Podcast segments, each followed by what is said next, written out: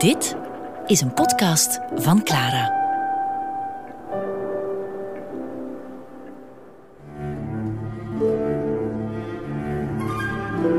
Leven en lijden van Godfried Bomans.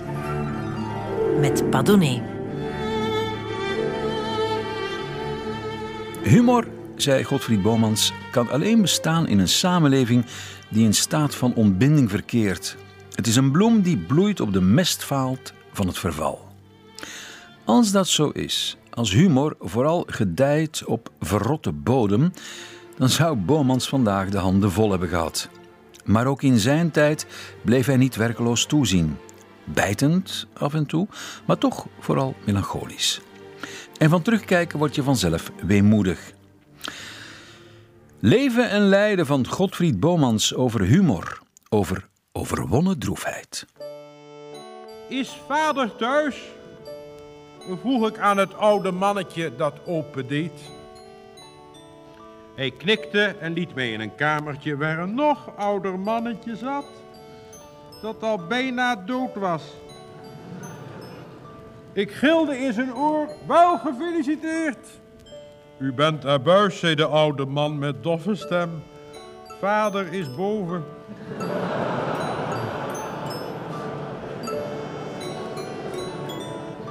Ik vloog de trap op, want ik begreep dat het nu een kwestie van seconden was.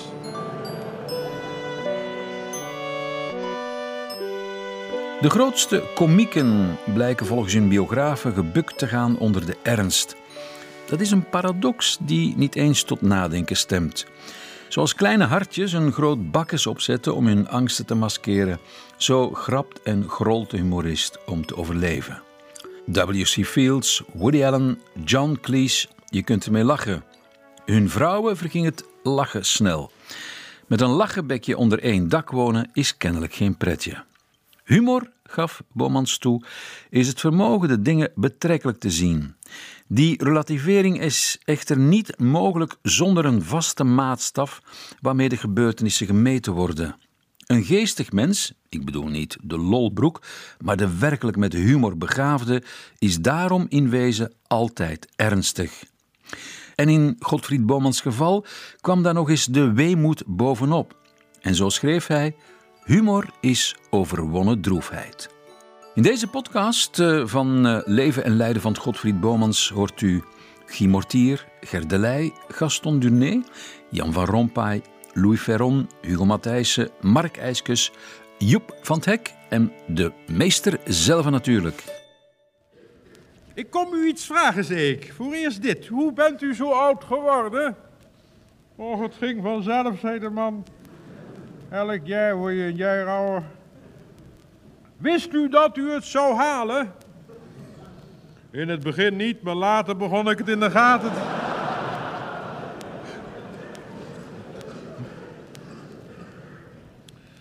Zijn er in de stad ouder dan u? Er zijn er een paar van 90, maar ik hou ze nauwlettend in het oog. Als er eenjarig is, stuur ik hem een kaartje met mijn leeftijd erop. Dat haalt de futter wel uit op de duur. Zijn er in het land nog ouder dan u? Ja, met zijn er maar drie. Inhalen kan ik ze niet. Maar ik kan wachten. En intussen hou ik ze in de gaten. De weduwe Boltjes uit Schiedam is 104. Goed toegegeven, maar gisteren begon ze te hoesten. Dan heb je nog die oude Dijkstra uit Franeker, 105. Een, een taaie bliksem. Maar hij woont op het noorden op een hoek. Dan heb je nog Van Lochem uit Venlo met dat houten been. Die heeft een voorsprong, want dat andere been, daar heeft hij geen omkijker meer. Wat doet u als u bovenaan staat? Dan schijk er mee uit.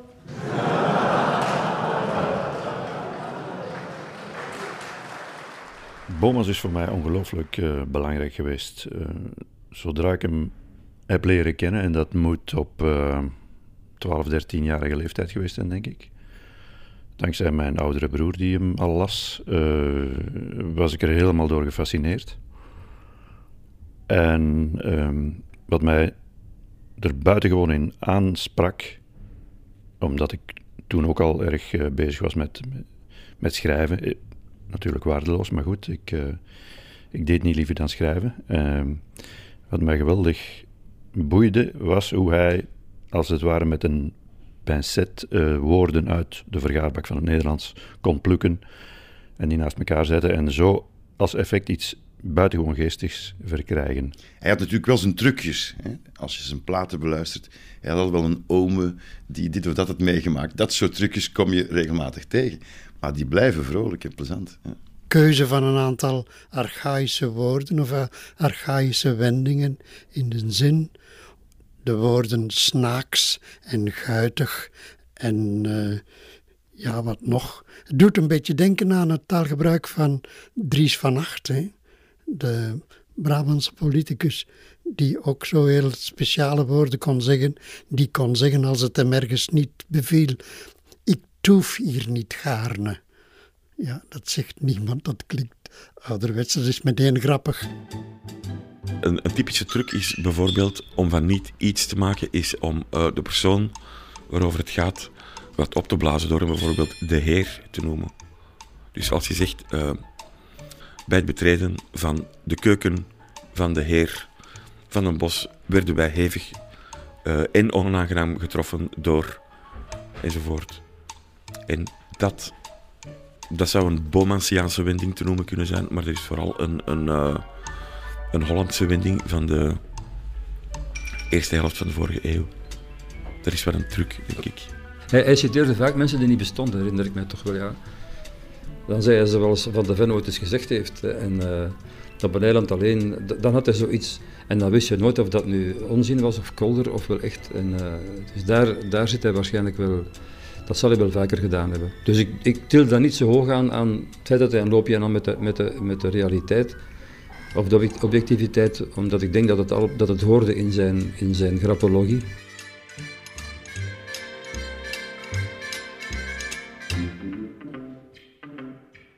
Ik heb altijd Pieter Bas zijn beste werk gevonden. En dat heeft hij geschreven toen hij twintig was. En daarin is hij de, de allerfriste Bomans. Dus de Bomans die mij het meeste aansprak. Um, ook daarin zitten al, is merkwaardig voor die leeftijd, heel kleine satirische knipoogjes, maar nooit zo dat ze belerend zijn. Um, daarin viel geweldig veel te lachen.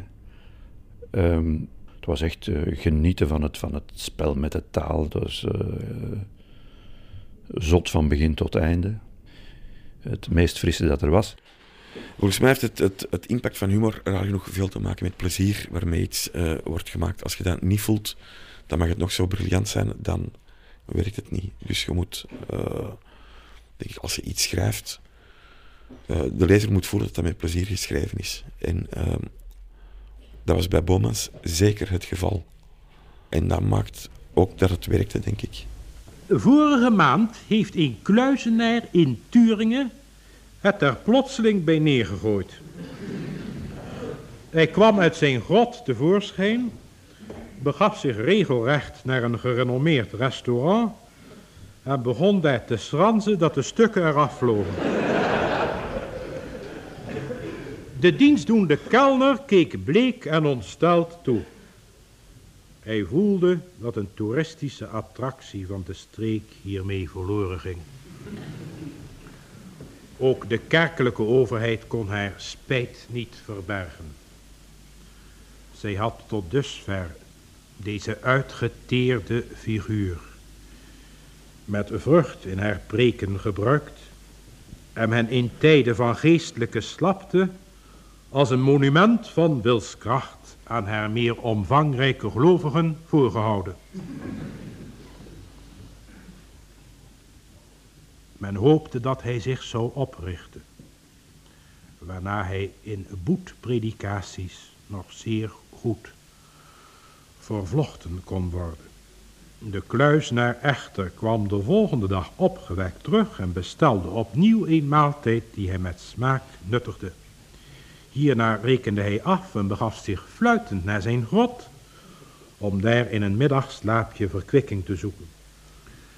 De kerkmeester, onder wiens parochie de heremiet viel, besloot in te grijpen.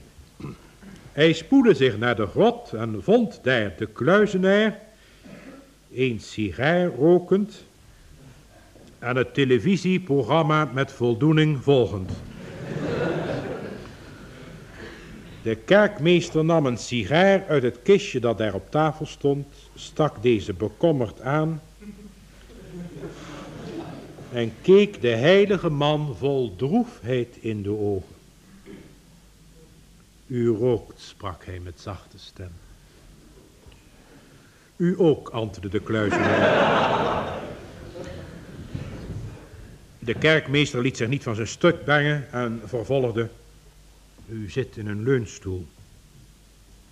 U ook, antwoordde de kluizenaar. Ze zitten fijn. De kerkmeester dacht enige ogenblikken na en wierp toen een strenge blik om zich heen. Oliestook, sprak hij somber. Radio en televisie. Gij zijt van alle gemakken voorzien. U ook, antwoordde de kluizenaar vriendelijk. En bovendien, hernam de kerkmeester die op dit antwoord gerekend had, bent u brutaal.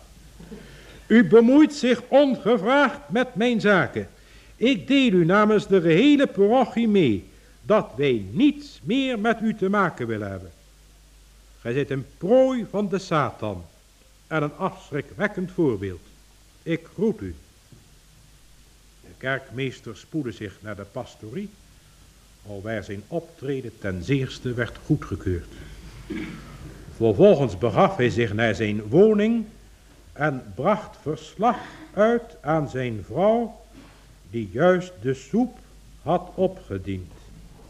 Uitstekend gedaan, meende zij, een lepel vooraf proevend. Dat noemt zich maar christelijk en ontzegt zich niets. Bind je servet om, want ze is precies goed.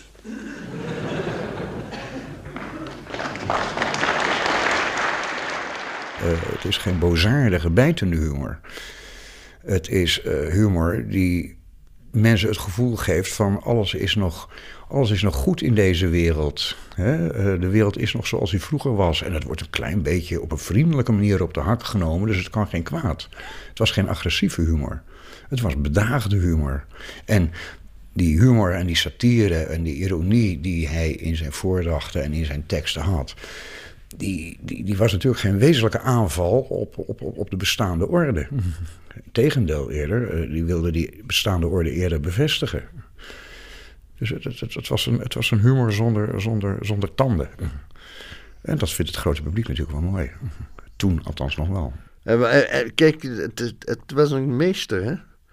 Maar aan de andere kant was het dus geen vlotte, joviale man.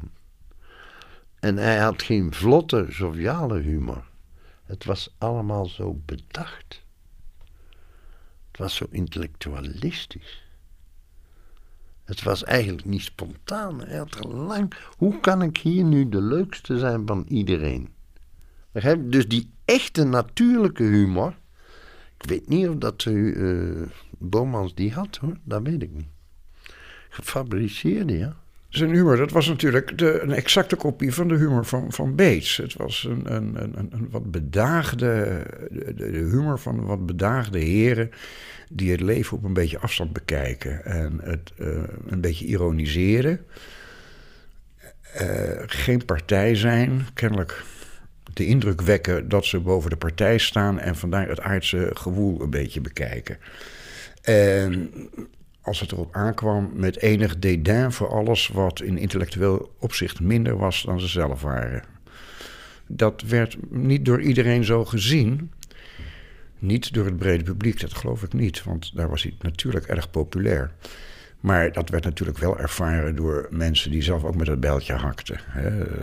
We zeggen eh, intellectuelen, die, die zagen dat natuurlijk wel. En die waardeerden dat ook minder dat, met name dat dédain, dat, dat 19e eeuwse dédain. Dat het gevoel krijgen alsof de standenstaat nog helemaal intact was. Hè? Dat pruimde hier toch niet meer? nee. hij deed helemaal niet uh, en belerend. Maar natuurlijk, wat hij zei, de woordspelingen, de ironie, wat je tussen de regels moest lezen en beluisteren, was meer voer voor intellectuelen dan uh, zeg maar voor de, de, Jan met de pet, die, uh, die zondags naar het voetbal gaat. Ik bedoel, dat is niet denigrerend bedoeld, maar ja, het hele grote publiek had er misschien niet onmiddellijk een boodschap aan. Dat is wellicht juist, ja. Ik denk dat sommige vormen van humor ook te maken hebben met een, met een, uh, een wijgevoel. Wij kunnen volgen en die anderen niet. Uh, ik ik uh, merk dat geweldig goed aan de, bijvoorbeeld de reacties op een programma als In de Gloria. Hè. Veel mensen zijn er terecht heel blij mee en beschouwen dat als hun programma. Dat is van ons, wij begrijpen dat. Dus op onze canvas. En dat is, uh, ja, daar wordt de kijker mee een soort complot betrokken. Um, en wij tegen de wereld. Die anderen moeten maar naar de VTM kijken. Onmiddellijk na de brand spoeden wij ons naar de brandmeester van Amsterdam, de heer Koperbuik, die ons handen wrijvend in de deuropening tegemoet trad. Dat, riep de heer Koperbuik uit, was weer eens een echte ouderwetse uitslaande brand, nietwaar? Wat is een uh, uitslaande brand, uh, brandmeester? Dat weten wij niet. Wij onderscheiden loosalarm, schoorsteenbranden, binnenbranden en uitslaande branden. Maar wat dat zijn, dat weten wij niet. Maar hoe wist u dan dat dit een uitslaande van de journalisten? Die zien dat direct, wij blussen alleen. Verder staan wij er buiten. Hoe vond u het dit keer? Een verrukkelijk schouwspel. Niet waar. Eerst dachten we dat de vuurzee zich tot de benedenverdieping zou beperken. Maar jawel hoor, de bovenverdieping ging er ook aan. En uh, de huizen ernaast, brandmeester? Pardon? De huizen ernaast, brandmeester. Brandmeester Koperbuik glimlachte. Ik uh, meen u te begrijpen, zei hij. U bedoelt de belendende percelen. Dan nu, ik moet toegeven, ze staan nog. Maar één ding hebben we bereikt: waterschade. In elk daarvan heb ik 800 ton water gegooid. Ik maak mij sterk dat ze weer van de grond af moeten worden gebouwd. Na een brand kan er nog wel eens wat overeind staan. Maar heb je de spuit er eenmaal opgezet, dan is het afgelopen. Ik zeg altijd tegen mijn mannen: liever geen halfwerk, doe het grondig. Brandmeester Koperbuik keek over zijn sigaar heen in het onbestemde. Zijn door de vlammen gebruind gelaat nam een verzaligde uitdrukking aan.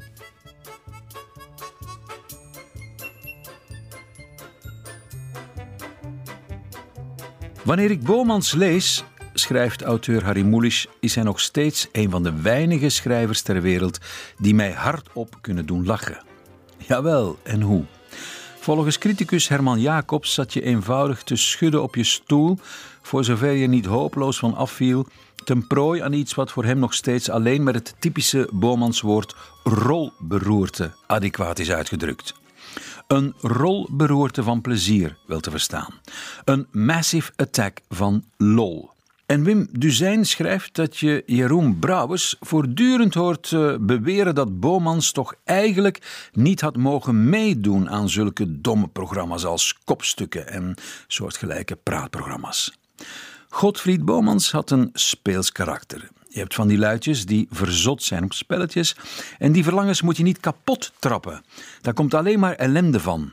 Het lijkt er soms op dat de menshatende Hollandse intellectueel alles wat maar enigszins uh, riekt naar doodgewone gezelligheid uit wil bannen, zodat alleen de keuvelende en babbelende misantropen overblijven. Dan liever misantropen die kunnen lachen. Vermoed niet dat Bomans uh, zo'n grapjas was als hij alleen was. Het is juist net zoals de clown zijn droefheid uh, op een manier verwoord dat de mensen lachen. Denk ik dat heel wat humor bij Bomans te maken heeft met het feit dat hij eigenlijk, denk ik, geen echt gelukkig man was. Ondanks zijn populariteit en zijn, zijn rijkdom en dat hij niks tekort had. Veel van die humor komt voort uit een verwerken van triestige dingen. Waar hij andere mensen dan gelukkig mee maakt. Dat is de paradox van dat soort humor. Ik vind dat zeer herkenbaar. Ehm, eh, melancholie is denk ik een goede basis om eh, humor te maken. Maar ze moet natuurlijk in evenwicht zijn. Ze moet beheersbaar zijn en ze mag niet doorslaan naar, naar droefheid. Melancholie, zolang ze iets heeft van nostalgie naar iets beters en mooiers en onschuldigers, al kun je er de vinger niet op leggen hoe dat precies moet zijn, helpt heel erg bij het relativeren en in hoge mate ook zelf relativeren, want dat is de enige manier om, uh, om het aan te kunnen. En vanuit zelfrelativering um, kom je al vaak bij een uh, lichte, laten we zeggen, goedmoedige karikatuur van jezelf en van je omgeving. En vandaar, als het lukt, is het nog maar een stap naar goedmoedige humor en satire. In het geval van uh, Pieter Bas, dat daar misschien wel het klopt dat uh, humor overwonnen droefheid is, omdat daar een, een um, naar mijn gevoel, een bijna ondraaglijke nostalgie uitspreekt. Naar een tijd die die Bomas denk, zelf nog amper heeft meegemaakt, of nieuw heeft meegemaakt, namelijk, ik denk de tijd rond de eeuwwisseling uh, van het jaar 1900 dan. Ik, ik, zou het werk van Bomas grondig moeten herlezen om daar een, gefundeerde mening uh, over te geven, maar ik meen me toch te herinneren dat Pieter Bas dat dat uh, een bijzonder hoog Anton Pieck gehalte heeft. En met Anton Pieck gehalte bedoel ik dat het um, verwijst naar een idyllische voorbije wereld die eigenlijk nooit heeft bestaan, maar waarin elke barst in het pleisterwerk van een bijna bovennatuurlijke schoonheid was. Terwijl er natuurlijk vooral een teken van minderwaardige behuizing had moeten zijn.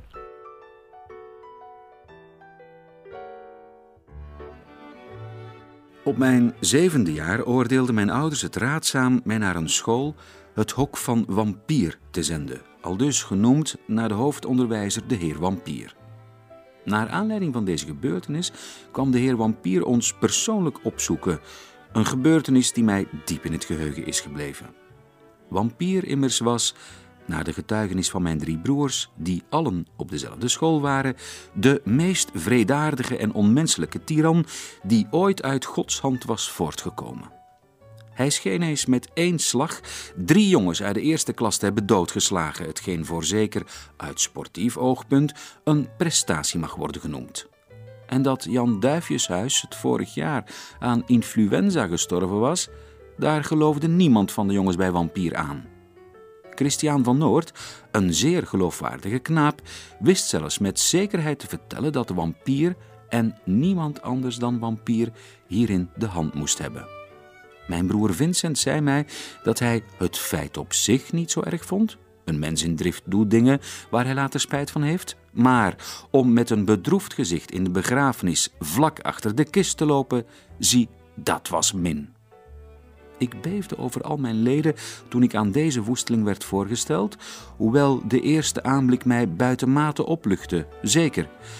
Hij was natuurlijk een harteloze wildeman, doch zoals hij daar op de punt van zijn stoel gezeten mij door zijn nikkelen brilletje toeknipte, scheen hij mij toch van alle wilde mannen de meest zachtzinnige.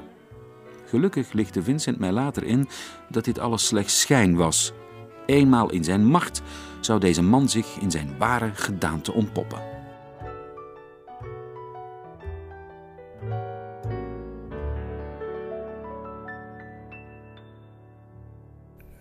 Ook de melancholie wilde hij weer op een afstand houden.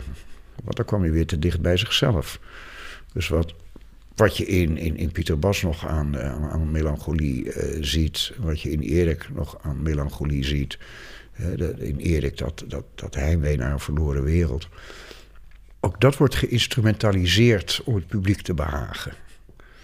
En dan werkt het niet meer. Althans niet voor de goede verstaander. Zodra een, een, gevoel, of het nou een gevoel voor humor, een gevoel van melancholie, nostalgie of welk gevoel van kwetsbaarheid, welk gevoel dan ook, als dat geïnstrumentaliseerd wordt alleen nog maar om het publiek te behagen, dan is het zijn literaire functie kwijt. En bij hem was alles publiek gericht op het laatst.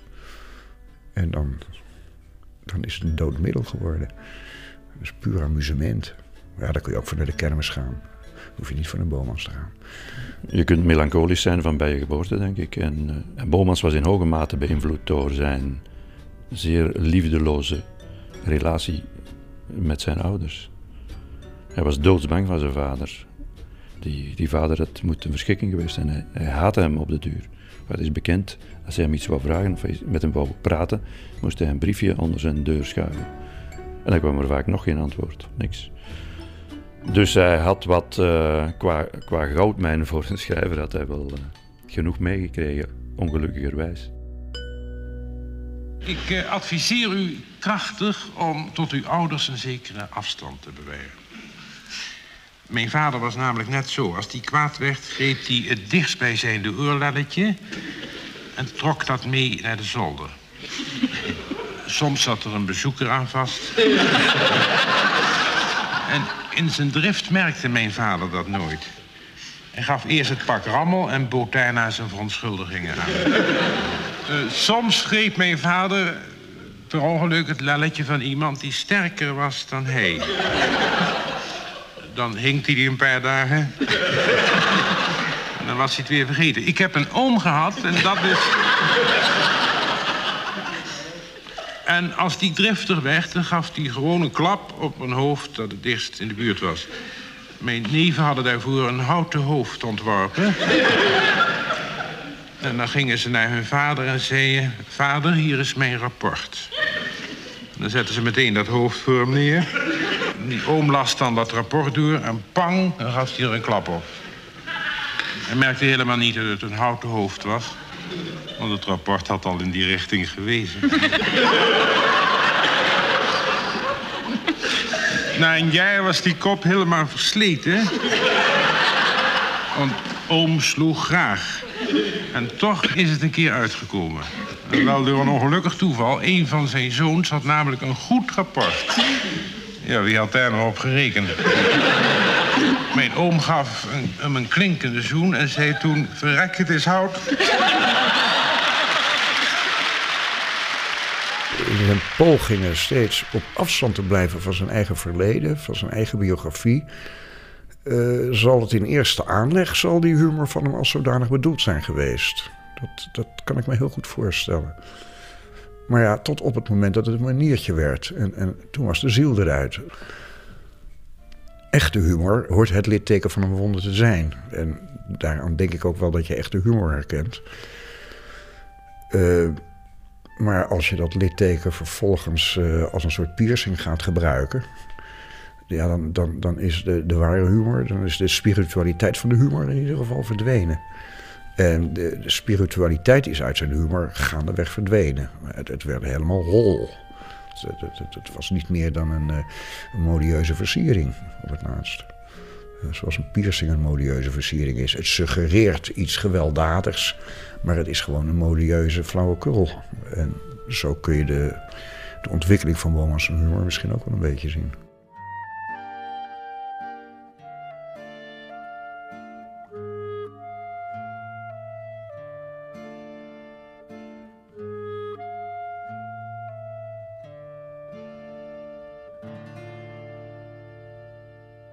Hij zal blijven als een van de grootste humoristen. Ofwel zal, zal dat ook verdwijnen. Maar als er iets is dat bij hem blijft, dan is het niet de diepgang van zijn gedachten, de originaliteit van zijn dingen, nog geloof ik niks van.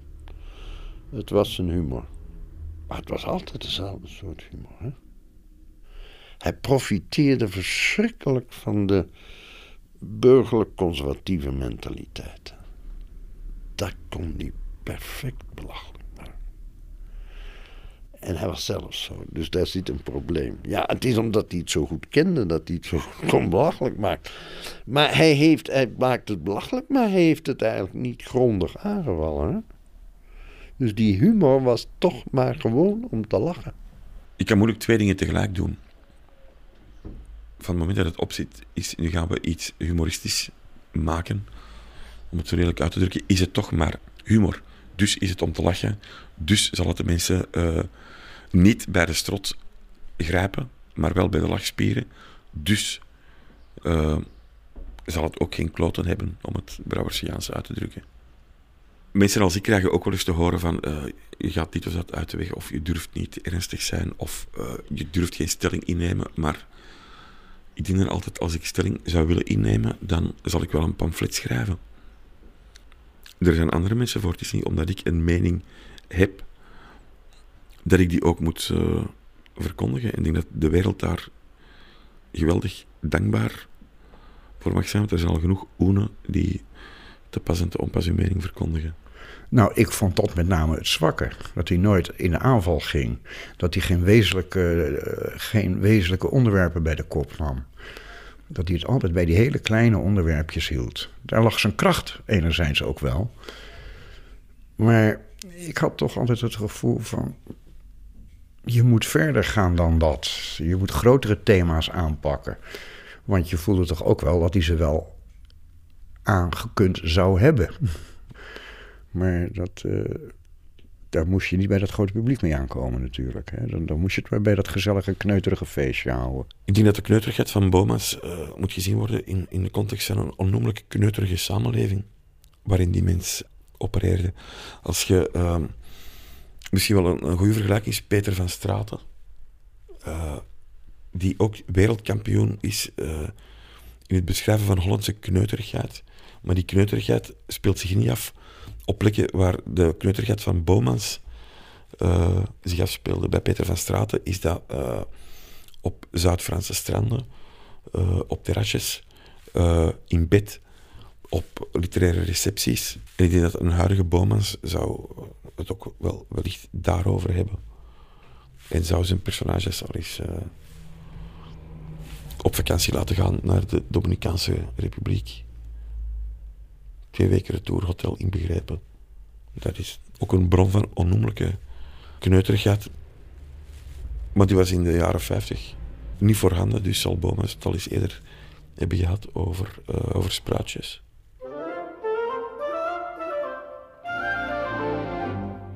Die Engelsen zijn toch een raar volkje. Daar hebben ze dit jaar weer het grote heksencongres in Polok gehouden. En als elk jaar ben ik er weer heen gegaan, want ik mis er nooit één. We hebben namelijk een klein heksje in de familie dat in 1870 knorrig gestorven is. Het mensje kon niet veel als je het mij vraagt, maar je hoeft in Nederland ook niet veel te kunnen om als de bonte hond bekend te staan.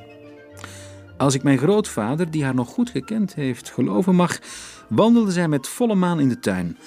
Maar het verschil tussen zwarte kunst en last van slapeloosheid is hier zo gering dat men moeilijk van een sterk nummer kan spreken. Verder heb ik nog een tante die op verjaardagen wel eens waar zegt. En zelf ben ik op een vrijdag geboren, op hetzelfde moment dat er bij de buren een leidekker naar beneden viel. De man mankeerde niets, dus mijn positie op het congres is nogal zwak. Maar ik word er altijd weer toegelaten omdat er niet veel mannen zijn. Heksen zijn altijd vrouwen en daarom doen ze bij mannen een oogje dicht.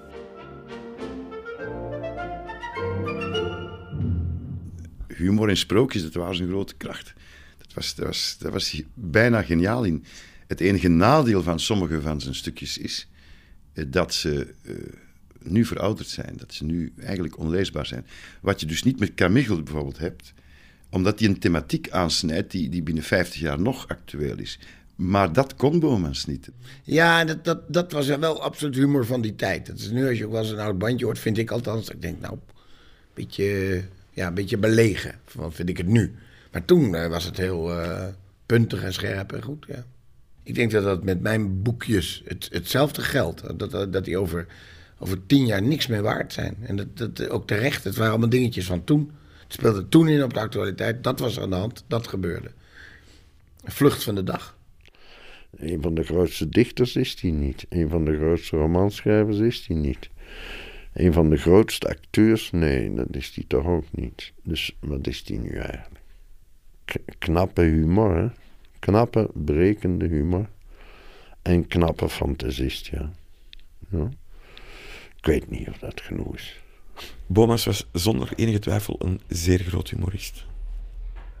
En dat blijkt uit het feit dat men soms hard moet lachen met zijn geschriften, punt.